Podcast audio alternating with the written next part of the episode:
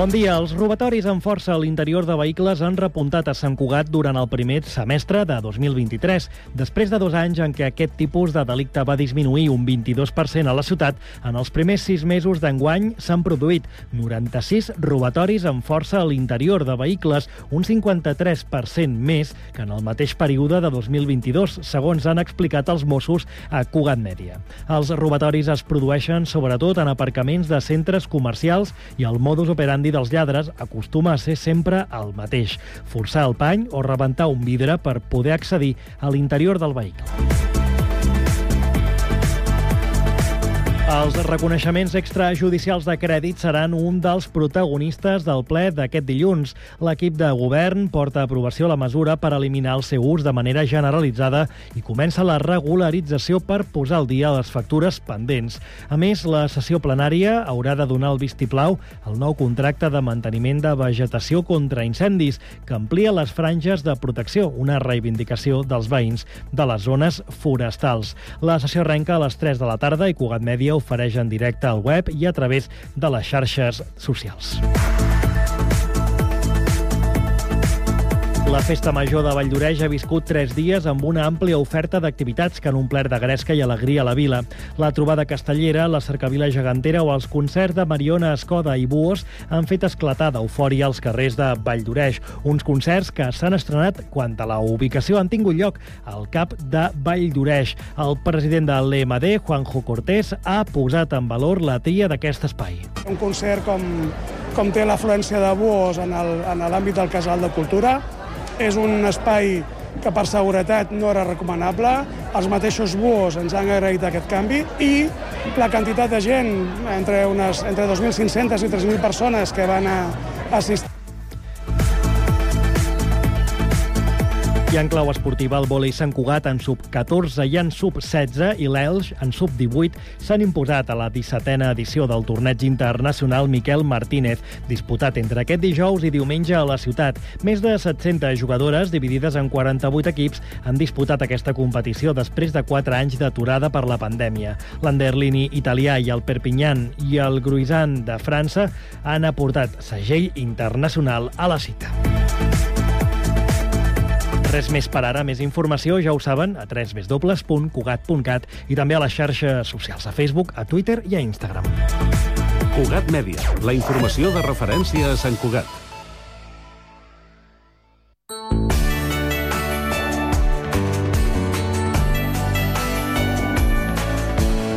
Ràdio Sant Cugat, Cugat Mèdia, 91.5 FM.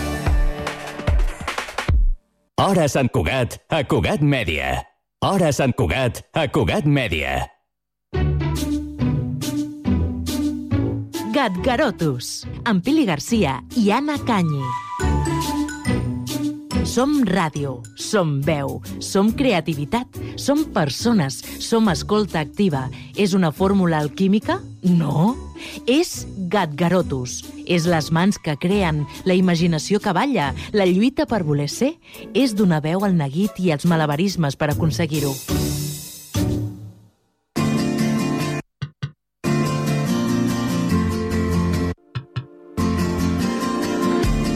Ha passat algun cop que veient una pel·lícula heu percebut l'angoixa i us ha faltat la respiració a mesura que alguna de les protagonistes li van apretant i apretant els cordons del corset?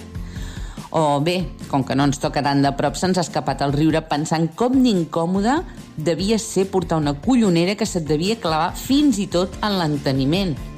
O caminar amb una armadura. Us ha picat el cap de pensar com de pesat, de pes i de pesat, a més de calorós, ha de ser aguantat tot el dia una perruca? Els canons de bellesa al llarg de la història han volgut homogenitzar els cossos per assimilar-los al cànon establert i als valors predominants del moment. Ara també. Qüestionar com vestim i com ens veiem i concebem el nostre cos a través de la roba és un dels apunts dels que parlem avui amb Boira. Boira pretén trencar aquests cànons i l'assimilació, és a dir, que deixem de ser fotocòpies els uns dels altres i encara més que no maltractem i mirem amb rebuig els nostres cossos pel fet que no encaixin en els valors predominants. Moda conscient i roba que ens aporti llibertat perquè s'adapta a nosaltres i no pas a l'inrevés. La producció que sigui local, tant pel que fa a les matèries com als proveïdors i les persones que s'hi relacionen. La Cristina dissenya, compra la matèria prima, les teles, cus, talla, etiqueta, envia, porta les xarxes. Boires són peces unisex i talles úniques.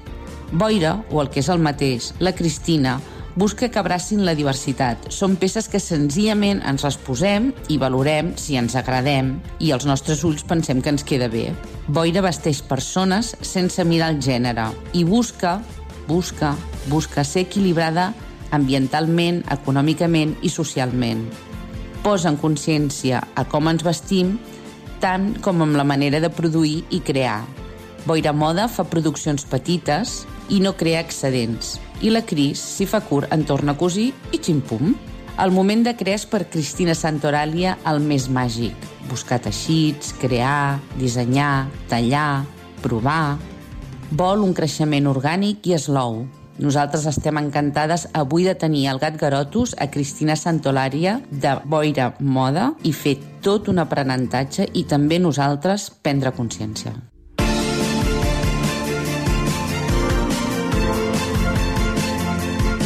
Cristina Santaulària, de Boira, Punt Moda, de Rellinars. Benvinguda, què tal, com estàs? Com va tot plegat?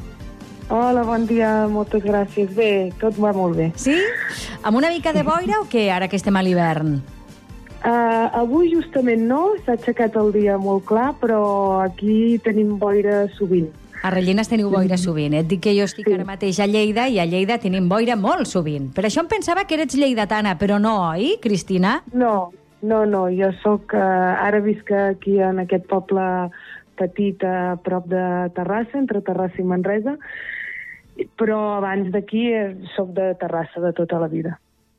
Ens pensem més lleidatans que la boira és única nostra i no pas, no pas. No, de fet, no. és la marca no, de, la, de la teva roba de moda conscient. Sí, Boira va néixer ja aquí, quan ja vivia a Rellinars, i, bueno, com que m'acompanyava molts dies de, de, de donar forma de treballar, doncs, mm, mira, em va... Era la meva companya i d'aquí va sortir el nom.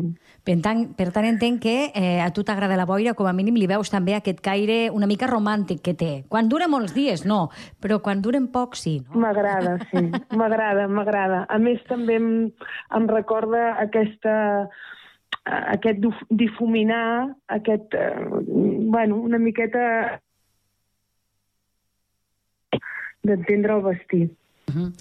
A veure, arrenquem, perquè tu vas començar, diguéssim, a gestar eh, el Boira Punt Moda, no?, eh, com a creadora de moda conscient, el 2019, prepandèmia, però vas treure la marca ja al maig, no?, en plena pandèmia. Com va anar tot això? Bueno, jo vaig començar a donar forma al projecte, això, abans de, del març, però just quan ja ho tenia tot bastant a puntet per, perquè sortís a la llum, doncs ens va enganxar el primer, el primer confinament i bueno, vaig haver de repensar una miqueta com, com acabar de fer els passos que havia de fer, com per exemple fer fotografies de, dels dissenys, eh, que estàvem tots tancats. Bueno, vaig haver de reinventar-me una mica i, i després de seguida que ja vaig poder al maig doncs vaig eh, llançar-me igualment perquè bueno mmm, també tot i que s'hagin de repensar coses doncs m'oferia oportunitats també Eh, per què moda conscient? Per què vas començar doncs, fent aquest tipus de roba i aquest tipus de moda? Després parlarem eh, de, de com és la roba de boira, però per què volies fer moda conscient? Mm, val, a la meva, a veure, el meu interès cap a la moda neix des d'aquesta vessant més eh, de qüestionar-me, bàsicament, com vestim, no? Qüestionar-me com vestim, com, com a, a través de com, a, a partir de com ens vestim, mm, podem observar com tractem el nostre cos i com ens concebim bueno, qüestionant una miqueta com de vegades, eh, bueno, al llarg de la història, segons els cànons de bellesa que hi haguessin en aquell moment, eh, es pretén a través de la moda homogeneitzar els cossos i que s'assemblin en aquests, en aquests eh, valors que predominen, i, i trencar una miqueta amb tot això. Bus... M'interessa crear roba que, que ens aporti llibertat, que, que, que s'adapti a nosaltres i no nosaltres a ella. Uh -huh. I, per aquí, I perquè una miqueta és una de les una de, una de les variables no? per, per, perquè pugui tenir aquest nom de conscient, perquè posem consciència a com ens vestim, per què, com tractem el nostre cos. I després també doncs, pel, pel, per la manera de produir i de crear. És a dir, que mm, vigilar tot el procés de, de producció, que sigui molt local, tant eh, les matèries primes, eh, amb les proveïdores que treballo, eh, amb la gent amb què em relaciono, doncs també vigilar a nivell bueno, doncs ambiental, econòmic i social, no? les, tre les tres potes de, de tenir en compte a l'hora de, de produir i de crear. Uh -huh. Tu fas els dissenys, també? Sí, jo plan, ho faig tot, bàsicament. Uh, faig els dissenys, mm, uh, ho tallo, compro els teixits, uh, sí que hi ha una part de, de, de la confecció que m'ajuda un taller familiar d'aquí a prop, perquè jo no podria cosir-ho tot, però per la resta tot, tot ho faig jo i també també cuso una part eh, de la producció. Uh, etiqueto, uh, envio, uh, porto les xarxes, tot, tot, tot es fa des d'aquí. Eh, és 100% Cristina Santaulària, aquest projecte sí. de boira. Eh, llavors, sí. els teus dissenys són, tenen moltes característiques singulars, eh, sobretot com tenim concebuda la moda avui en dia, no? i com tu vols trencar aquests esquemes. Per què? D'entrada són unisex, els pot portar qualsevol persona, i a més a més eh, gairebé són tot talles úniques, que també queden bé a tots tipus de cossos, no? Sí, una miqueta un dels meus eh, mm, objectius o que em motiven a l'hora de crear és buscar roba mm, que, que, que, que, mm, que abraci la diversitat, o sigui, que, que, que quedi bé menys tenen talles perquè, perquè bueno, així ho requereix, si no penso que no quedarien bé, però la majoria no en tenen. I, i bueno, per mi és alliberador quan et pots, pots deixar de pensar en quina talla necessites, només pensar en, en me'n provo aquesta peça a veure si em queda bé, m'agrada com, com em queda i em sento bé. Uh, bueno, a mi penso que és alliberador, que, que, que, i a més a més es crea com una màgia, no? perquè disfruto molt quan veig la mateixa peça en cossos completament diferents. Uh, eh, és com molt satisfactori eh, aconseguir això. Eh, saps què? Hi ha una... I, Perdona, digues, Cristina. Que no, no, i el tema d'unisex, um, no és, o sigui, simplement és que jo no li poso gènere a la roba. La roba és per vestir per qui la vulgui vestir. Mm, és per vestir persones, no? Llavors, qui vulgui uh, el disseny que jo ofereixo mm, i se'l senti bé, que se'l quedi. No, no, no, no, no classifico la roba amb homes i dones, per mi no té, no té sentit. Eh, et volia preguntar també doncs, això, eh, que durant el confinament o arran del confinament una de les coses que s'han quedat paleses és que ens vestim molt més còmodes, hem de sortir menys al carrer, sí. tenim menys vida social i ens gastem menys diners amb roba i fins i tot les, les marques així més eh, amb tendència eh, han presentat col·leccions amb robes molt còmodes, molt de xandalls, no? Eh, sí. Holgades. Per tant, tu has sigut una mica precursora d'això que ja ha vingut. Sí, sí, va ser una de les coses que vaig dir, ostres, per això et comentava de les oportunitats, no? també perquè en el fons eh, el, el que jo ofereixo en, encaixava eh, perfectament amb aquesta nova necessitat, no? Eh, la meva roba te la pots posar un dia per anar d'excursió o per anar a treballar a l'oficina, eh, segons com te la combinis o segons com, no? amb, amb com com te la posis o com, no sé, uh, pot estar per casa. És roba que si, que si tu arribes a ca casa i, i segueixes amb aquella roba estaràs còmode. Jo també molts cops tinc la imatge aquella o la sensació de d'algun cop que m'havia passat d'arribar a casa i pensar, oh, vull treure aquesta roba, no? Doncs que, que, analitzar què m'està passant, si, si porto tantes hores en aquesta roba i només penso en treure-me-la. Per què cara en fora me la, me la vull posar i quan arribo a casa que ja no estic en l'esfera pública um, me, la, me la trec de sobre. Què li estic dient al meu cos, no? I, i una miqueta, doncs, poder, poder traspassar aquesta diferència entre l'esfera privada i l'esfera pública portar la mateixa roba, doncs, doncs mm, és una cosa que també s'ha plantejat durant la pandèmia i que jo ja, ja hi reflexionava. Uh -huh. De tota manera, també estava pensant que eh, els estilistes diuen que la roba, la manera com ens presentem al món, també ens defineix. I, per tant, sí. portar roba en moda conscient també ens defineix, no? També està dient coses de nosaltres, no? Sí, exacte. Bueno, primera que que evidentment jo valoro molt la comoditat, la versatilitat, i, però, però no deixo de pensar en dissenys que ens facin sentir bé, també. És a dir, si, que, que, que, que hi ha un disseny a darrere que, que també vol ser... Uh, quan tu et vulguis mostrar al món que et sentis bé.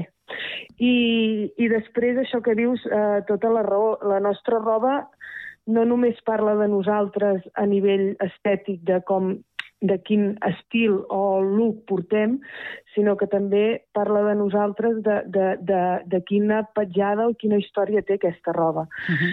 uh, la sensació que tens quan vesteixes una roba amb ànima, no? amb, amb una història darrere, que saps qui l'ha fet, que potser fins i tot has parlat directament amb qui l'ha creat, uh, que saps com ha estat feta, la sensació de vestir així o vestir amb una roba comprada en el fast fashion és molt diferent.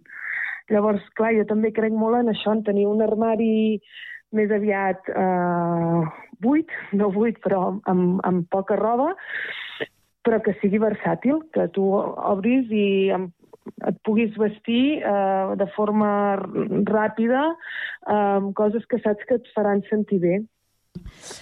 Eh, de moment tens dues col·leccions, no? perquè vas arrencar, com dèiem, sí. al maig, i hi ha la col·lecció d'estiu, i ara la col·lecció d'hivern, no? o primavera-estiu i col·lecció tardor-hivern. Mm, sí. Presentaràs noves col·leccions o sí. què, què passarà? Perquè amb aquesta també filosofia no? de que la roba sigui... que duri moltes temporades, mm, què és el que havies pensat respecte a això, en Boira Punt Moda? Bueno, jo, de moment, el, el que faig, que també forma part de la manera de, de produir eh, això conscient i sostenible, és jo faig produccions petites per no quedar-me amb excedent, que si és necessari llavors vaig reposant, no? Vaig, si se m'acaba un model i veig que em podré vendre, el torno a fer durant la mateixa temporada, diguéssim. Llavors, no, no, el que intento és no, que, no em vull quedar amb un excedent de roba perquè no té sentit. Tot i així, com que és roba temporal, no, no passa de moda, no, no, hi ha, no hi ha una moda darrere, una tendència. Uh, jo ara ja estic començant a treballar amb la nova temporada de, de primavera-estiu i, i bueno, sí, jo la, la, la, la presentaré cap al març-primavera, potser, i més cap al juny-estiu i, i ja hi estic pensant perquè és una part molt, molt xula la de, de com que és molt estacional no? Eh. Lo, de, lo de fer rodes molt estacional llavors hi ha moments en què només estàs venent o produint hi ha moments que estàs creant i ara, ara ve una etapa xula que és la de pensar, buscar teixits crear els dissenys, després fer els patrons fer les proves corresponents a veure si queda bé, si no, com me'l sento eh, modificacions, al final doncs, hi ha tallars definitius cosir... Bueno, doncs és un procés que es va, que es va repetint i que té diferents etapes. Uh -huh. Pel que fa a, la, a, la, a les robes, eh, a les teles, on les adquireixes i quin tipus de teles t'agrada treballar? Doncs jo sempre treballo amb, amb empreses d'aquí que produeixen aquí els teixits i sí que és veritat que un tema, és un tema que segueixo investigant i que, i que vaig buscant doncs, uh, nous productes, nova, vaig provant, i uh, molt, alguns dels teixits que utilitzo cada cop més tenen cotó orgànic o eh, cotó reciclat. N'hi ha, que, n'hi ha que no, eh? que, que, que són cotó normal, també tinc alguna peça amb, amb, polié, amb una mica de polièster, però sempre són eh, teixits produïts aquí, creats aquí a Catalunya. I les, pro, les proveïdores, són aquestes, les que ens deies abans, els teus proveïdors? Són sí, clar, principalment jo... Uh -huh. Sí, principalment jo tinc um, els teixits i fornitures i són els proveïdors que jo necessito, a part d'etiquetes, que també ho, les etiquetes que jo poso um, també són reciclades, les de teixit, i les de paper són de, són de paper de llavors que es poden plantar, és a dir, no generen residu perquè tu l'etiqueta de, la, de la roba la plantes i et surt una, un espígol o una altra planta. Ah, que xulo. I, escolta, i, i ara com ho fem? Perquè, evidentment, estem confinats, confinats municipalment de vegades, eh, des altres, no sé, eh, comarcalment. No sé si tens botiga física i, i com podem emprovar-nos aquestes, aquestes peces, que sabem que ens quedaran bé, però volem emprovar-nos-les abans. Que, quina és la via per a fer-ho? Vale. Jo no tinc botiga, no tinc punt de venda físic, però sí que de tant en quant eh, creem un, un, un mercat de creadores locals de Terrassa eh, que ja fa anys que funciona, que es diu Mandarina Market, i des d'allà fem, o quan ens ho permet eh, la situació, fem mercats, i si no, ho fem en, en versió, hem fet alguna en versió showroom, amb cites prèvies, vigilant molt l'aforament, quan, bueno, quan es quan es pot una cosa una cosa i quan es pot l'altra l'altra. És a, llavors ja dono l'oportunitat d'anar a allà la roba. Si hi ha gent que viu a prop i estem també en un moment en què mm, la situació ho permet, de vegades doncs, puc quedar o pot venir gent al, al meu taller i eh, la intenció és, quan, quan tot es normalitzi una mica, buscar més punts de físics on, on, on acostar la roba això és una, una via que he d'explorar i, i ampliar, però, però ara també és difícil. Jo crec que he de tenir paciència en aquest sentit. I en aquest de totes primer... maneres... Digues, perdona, el... sí, sí. No, no, res, ja acabo, que al, al final el que faig és també posar-ho fàcil um, perquè el que faig una atenció molt personalitzada en què a cada persona li contesto tots els dubtes de com pot quedar, quines mides té, uh, m'ho emprovo jo i passo un vídeo, um, intento fer fotos amb, amb gent que tinc a prop de diferents cossos i, i volums i siluetes perquè cadascú es pugui sentir identificat amb, amb més o menys quin, quin cos eh, se li pot assemblar. Intento posar-ho molt fàcil perquè la persona es pugui fer la idea de com li, queda la, com li pot quedar la peça. Uh -huh. Eh, quina valoració fas d'aquest gairebé any de vida de boira, de boira.moda? Bueno, estic molt contenta eh, perquè estic treballant del que m'agrada i crear el propi camí per mi és mm, bueno, molt enriquidor. Eh, faig una valoració molt positiva, tot i la situació en què ens trobem, de l'acollida, de com, com està agradant la roba i el projecte. Sé que és un, un creixement orgànic i slow, o sigui, no, no, no es pot apretar la màquina, però, però és el, estic contenta amb l'evolució natural que, que estic fent. I, i bueno, sé, confio i aposto completament perquè tirarà endavant i, i, i bueno, doncs seguiré, seguiré creixent amb, amb aquest projecte. Ai, que guai. Et seguim a través de boira.moda i boira-moda a l'Instagram. Eh? L'Instagram és on podem veure on estàs més activa, podríem dir, Cristina? Sí, uh, ara ja tinc pàgina web, tot i que no hi ha botiga online, però a través de la pàgina web o de l'Instagram, és igual, però uh, jo, jo sempre estic uh, a l'altra banda per atendre qualsevol consulta de forma personalitzada. Uh -huh. uh, L'Instagram és on es poden veure més uh, els dissenys uh, que hi han disponibles, el que vaig uh, publicant, i, uh, i a la web doncs, hi ha més informació de, del projecte, Uh, i, i també hi ha la inscripció, la, la subscripció a la, a la newsletter on de tant en tant, sense, sense abusar, doncs, eh, eh, explico i transmeto la, els valors i la, i la filosofia de, del projecte. Mm -hmm. I, I això ja és curiositat meva personal, eh? perquè mm, jo he vist ja els pantalons de boira i m'encanten, o sigui que et faré una comanda, Cristina. Però és que només en tens un. En canvi de jerseis, no, de parts de dalt, n'hi ha moltíssimes. Per què? És una pregunta... Sí, sí. Uh, no, és una bona pregunta. Eh? és una bona pregunta. Uh, i, I mira, i et seré molt sincera. Primera perquè arribo on arribo. és a dir, um, crear una col·lecció Uh, és això que et deia, és uh, superxulo, uh, és un espai on, on pots no, uh, deixar anar la, la creativitat, però els temps també són els que són i jo ho faig tot sola, no? Llavors, bueno, de vegades eh, arribo on arribo, també perquè estic començant, és a dir, jo dic, va, provarem uns pantalons, però bueno, veure, uns pantalons talla única eh, no és el mateix una, una part de dalt talla única que uns pantalons talla única, doncs eh, vinga, provo amb aquest disseny, a veure com va, eh, saps què vull dir? També és, eh, porto, porto el temps que porto, llavors eh, provant. Llavors, bueno, aquest pantaló ha, ha funcionat, doncs ara amb, amb, per la propera pensaré què més, no? com, com puc ampliar això, com puc millorar-ho, eh, quines, de, quines, quin feedback he, he tingut, per exemple, les talles encaixava diferents cossos, eh, la gent ha necessitat, eh, m'ha demanat o m'ha proposat una cosa diferent i llavors amb aquest feedback jo també torno a repensar cada cosa.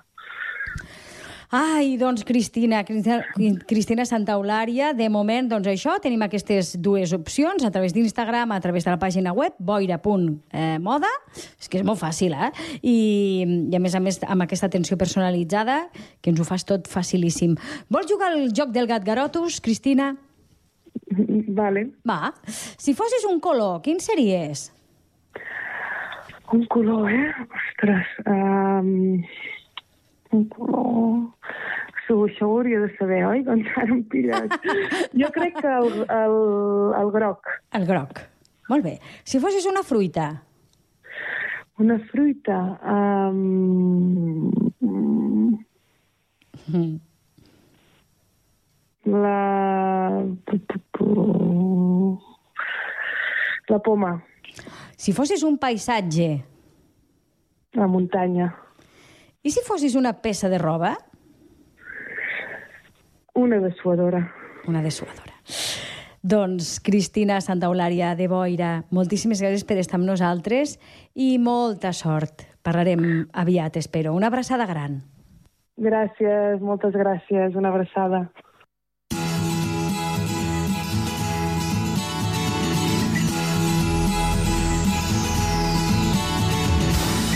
Mitja. Qui és? Cristina. Què fa? Faig roba conscient. Quina música t'inspira? Uf, uh, m'inspira la música canyera. Inquietes en constant evolució. Amb dones. Sinergies o batibull creador. D'aquí cinc anys em veig uh, vivint del meu projecte, enfocada i disfrutant de la vida.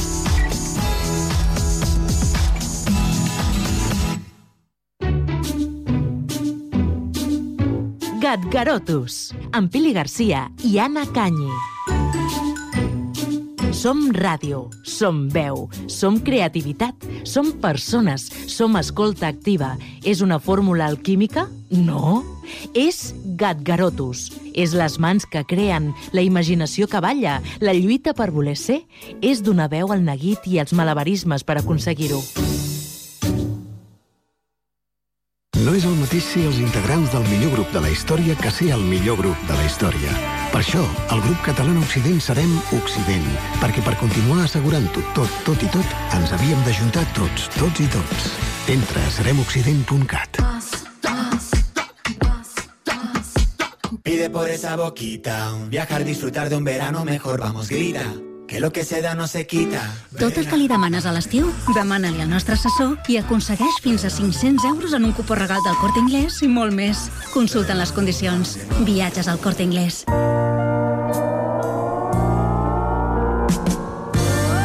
Pink Floyd.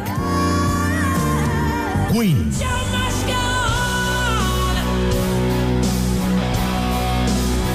Bob Dylan.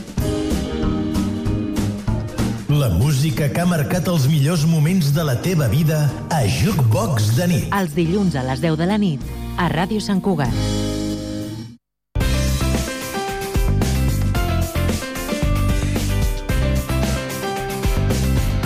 Ràdio Sant Cugat, 91.5 FM.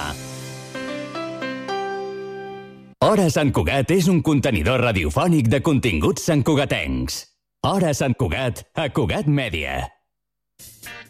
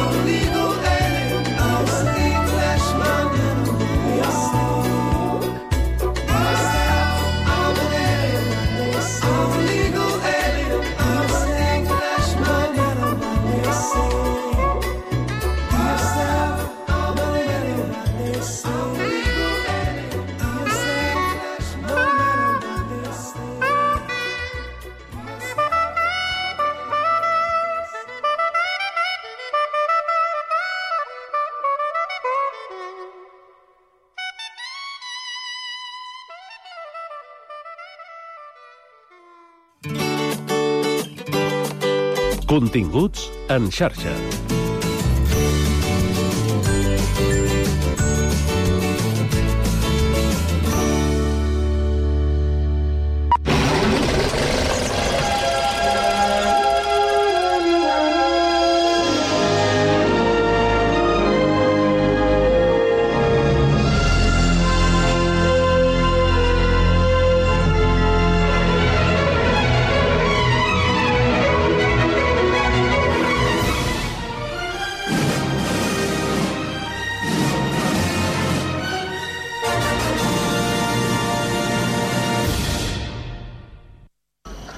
Problema, agente? Por mi parte, sí, señorita, va a tener problemas. Aquí 98. ¿Quiere volver de nuevo a su coche, por favor? Agente, siento mucho tener que hacerlo. ¿Quiere soltar eso? Le aseguro que lo siento muchísimo. ¿Quiere poner las manos en el volante? Oiga, si utiliza esa radio, le dirán que estamos reclamadas en dos estados y que nos consideran armadas y peligrosas, al menos a mí. Y entonces todo nuestro plan se irá al carajo. Luis, cógele el arma. Cógele el arma. ¿La tiene ahí? Eh, sí. Lo siento mucho. Disculpe. ¿Quiere bajar del coche, por favor? Le juro que hace tres días ninguna de las dos habría montado un número así, pero si conociera a mi marido comprendería el porqué. Ponga las manos en la cabeza. Luis. ¿Qué? Dispara a la radio. Sí. La radio de la policía, Luis. Por Dios. Perdona. Ya está. Bien, de acuerdo. ¿Quiere ponerse detrás del coche, por favor? Oh, Thelma, ya está. ¿Quiere meterse en el maletero, por favor? Por favor, tengo mujer e hijos. ¿Ah, sí? Vaya, tiene suerte. Sea bueno con ellos, sobre todo con su mujer. Mi marido no era bueno conmigo y mire cómo me vuelve. Venga, métase ahí. Hola, amics. Això és Cinema a la xarxa i qui us parla és en Víctor Alexandra. Aquest fragment que acabem d'escoltar pertany a la pel·lícula Thelma i Louise, de Ridley Scott. Es va estrenar l'any eh, l'any 1991 i el temps eh, l'ha convertida, aquesta pel·lícula, en un clàssic i en una icona feminista. Eh, no va ser percebuda així fa 30 anys, però l'augment de consciència feminista eh, amb el temps ha contribuït a veure-la des d'un angle molt diferent de l'inicial, en què la major part de la gent la va percebre com una simple road movie i res més. Hem obert el cinema a la xarxa d'avui amb aquest film perquè mm, dedicarem el, pro el programa al tema de la violació en el cinema.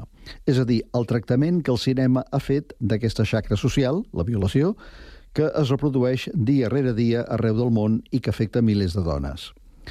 Segons dades de la Generalitat, un 78% de les dones que viuen a Catalunya han patit com a mínim una agressió sexual a la seva vida. El grup més victimitzat és el de les dones joves, que es troben a la franja dels 16 als 29 anys, dels 16 als 29, fins al punt que el 44% de les víctimes pertanyen a aquest grup d'edat. Eh, però això no és tot. Eh, hi ha un 11% de dones que han patit 5 o més agressions i un 19% que han patit 7 o més actes de violència sexual a la seva vida adulta. Telma i Louise, eh, a veure, no és un film amb un argument que giri entorn de la violació, això no. Però si heu vist la pel·lícula, recordareu l'escena en què Gina Davis eh, pateix un intent de violació que no s'arriba a materialitzar gràcies a l'aparició en aquell moment de Susan Sarandon, que ho impedeix. Això sí, aquell episodi esdevé, eh, com ja més o menys ens ho ha, ens ho ha dit aquest diàleg que acabem de sentir, aquell epi- episodi esdevé eh, el detonant de tot el que passarà després a les dues dones i del caire que va agafant la seva personalitat en el decurs de la història. La pel·lícula va rebre moltes crítiques que deien que les dues protagonistes eren molt violentes. Però el cert és que no feien res, res que no hàgim nosaltres vist milers de vegades en personatges encarnats, no per dones, però sí per homes. I és que quan una dona agafa una pistola, la societat sempre ho jutja molt més violent que si l'agafa un home. Són coses de la cultura patriarcal. Una altra pel·lícula que aborda el tema de la violació, en aquest cas de manera molt específica, és Acusats, del 1988, de Jonathan Kaplan, amb Kelly McGillis i Jodie Foster. Aquesta pel·lícula, Acusats, eh, es basa en un fet real que va tenir lloc el 6 de març de 1983, en què una dona anomenada Cheryl Araujo va ser violada en grup damunt la taula de billar d'un bar anomenat Big Dan, a New Bedford, un poble de Massachusetts, als Estats Units, mentre la resta de clients observaven i animaven els violadors. En el film hi ha un petit eh, canvi. La violació no es fa en una taula de billar, sinó damunt d'una màquina del milió. El 18 de abril de 1987, Sara Tobais fue a tomar una copa a un bar llamado El Mil. ¡Ánimo, Dani! Un caso muy feo. Fue violada por varios sobre una máquina del millón. No soy asesora de violaciones, soy fiscal y tengo que preparar el caso. Yo estaba aquí, pero no vi lo que pasó. ¿Bebió usted algo antes de ir al bar El Mil? No, bueno, quiero decir que no estaba borracha ni nada de eso. Y ahora lucha contra un sistema Se ha molestado conmigo. en el que se protege a los culpables. Su amiga no vio nada, el camarero no vio nada, no tengo ni caso. El dolor se olvida. Voy a gritar a alguien, pero era yo. El delito es negociable. Llegue a un acuerdo y enciérrelo. Sea agresión, coacción, imprudencia punible. No piensa defenderme porque soy una ignorante de clase baja, ¿verdad? Yo no he dicho eso. ¿No tiene nada más importante que hacer que preparar un caso perdido de antemano? ¿Por qué han salido bajo fianza? Creo que lo estaba deseando. ¿Jugamos a la máquina del millón? No sé lo que habrá recibido por traicionarme, pero espero que haya merecido la pena.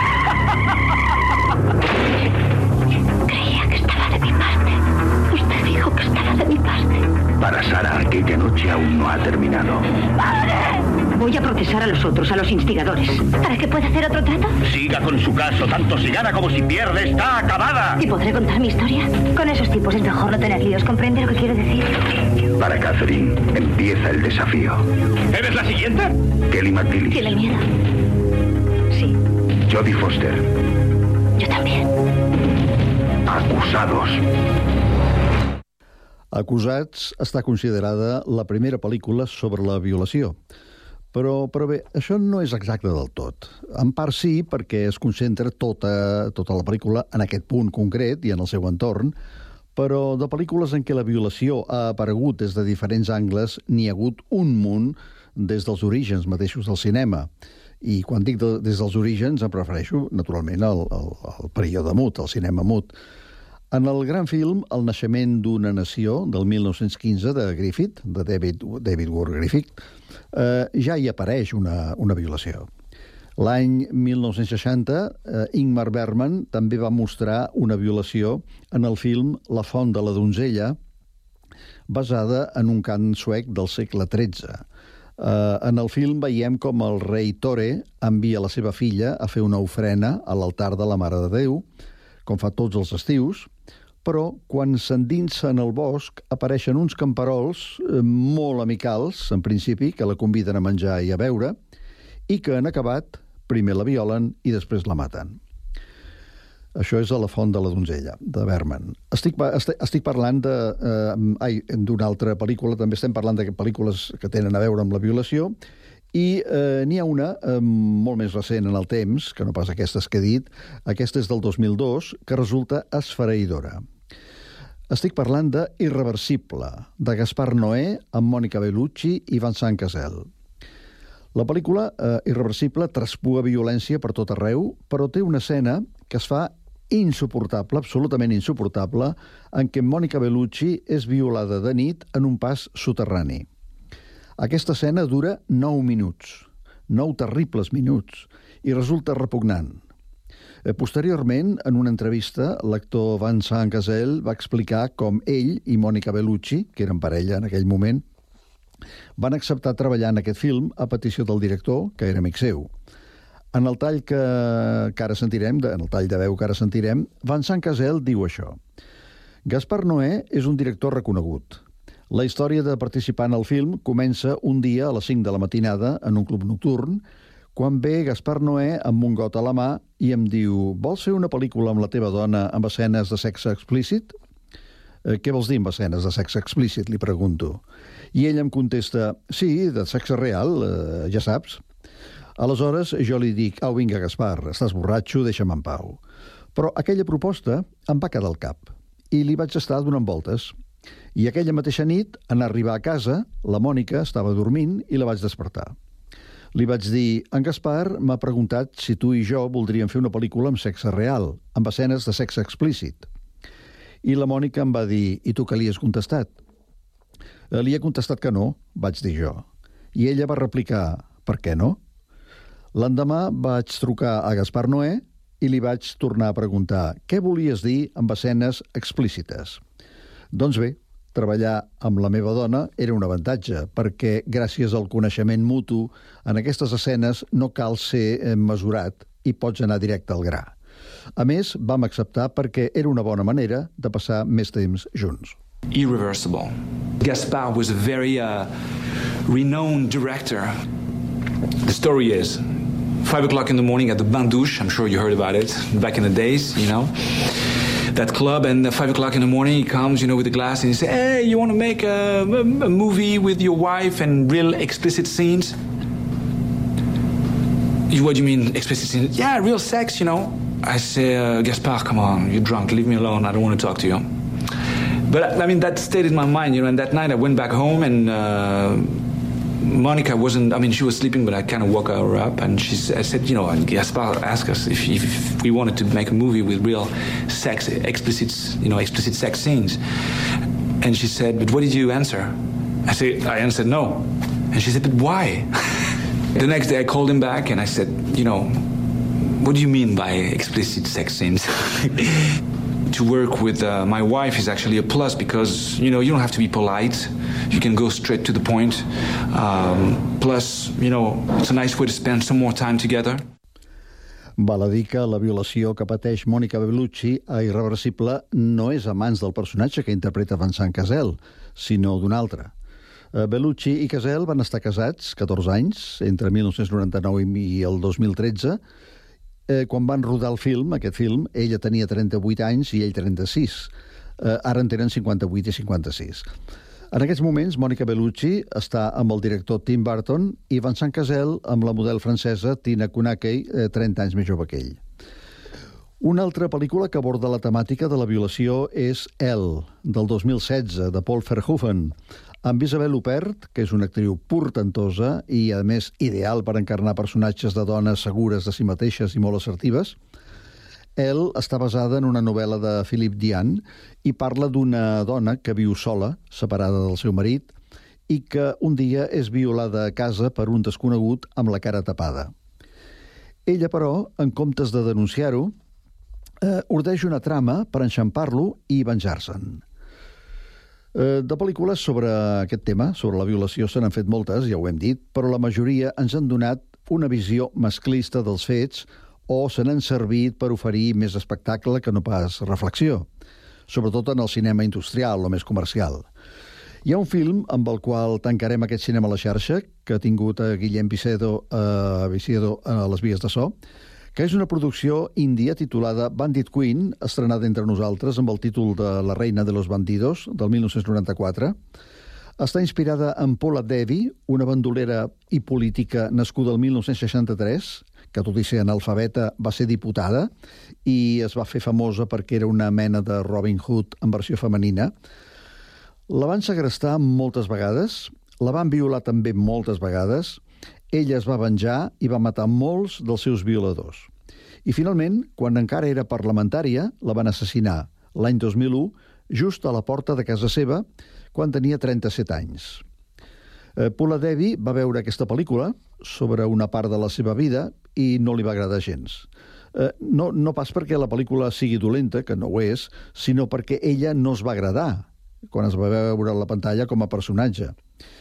Eh, fins al punt que va fer mans i mànigues, li va agradar tan poc que va fer mans i mànigues perquè la pel·lícula fos prohibida a l'Índia.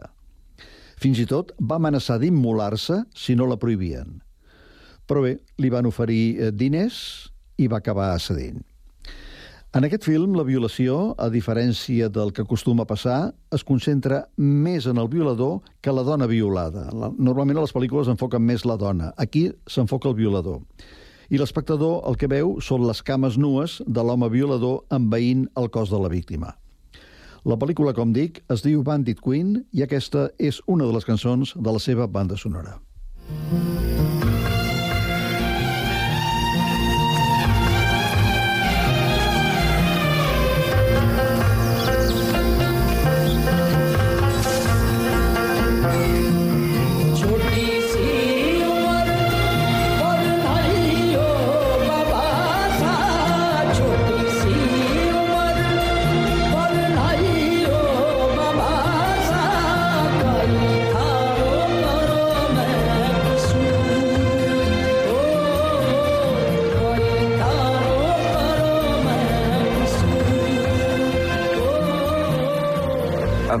ज़िंदगी अपने हाथ में लीजिए अब डोलती फिरेगी पत्ता की नहीं।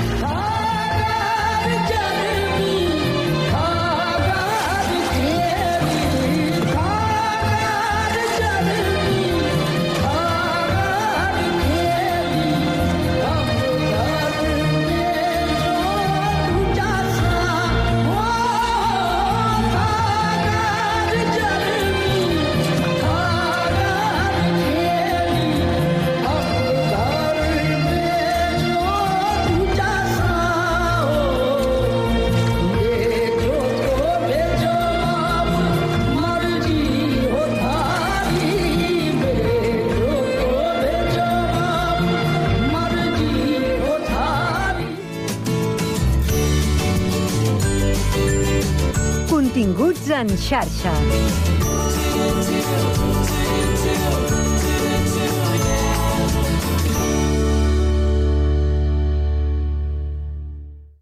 La banda sonora de la teva vida. Rainy days never say goodbye to desire when we are together.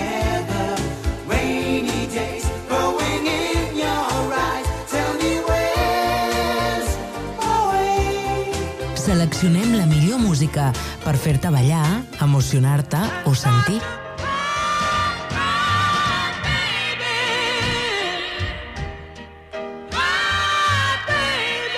Música a Ràdio Sant Cugat. Estrenem l'APP del Picalletres. Paraules i jocs lingüístics per a tothom. Descarregueu-vos l'APP a Google Play o a l'App Store i comenceu a jugar. Cocodril Club. Si t'agrada la bona música dels anys 60, 70, 80, escolta Ràdio Sant Cugat els divendres a la nit de 10 a 12. És el temps del Cocodril Club, tot un clàssic de la ràdio. Recorda, divendres, de 22 a 24 hores, a Ràdio Sant Cugat, 91.5 FM. Cocodril Club, el programa revival de l'Albert Malla. Hasta luego, cocodrilo. No pasaste de caimán. Hasta luego, cocodrilo. Ràdio Sant Cugat. www.cugat.cat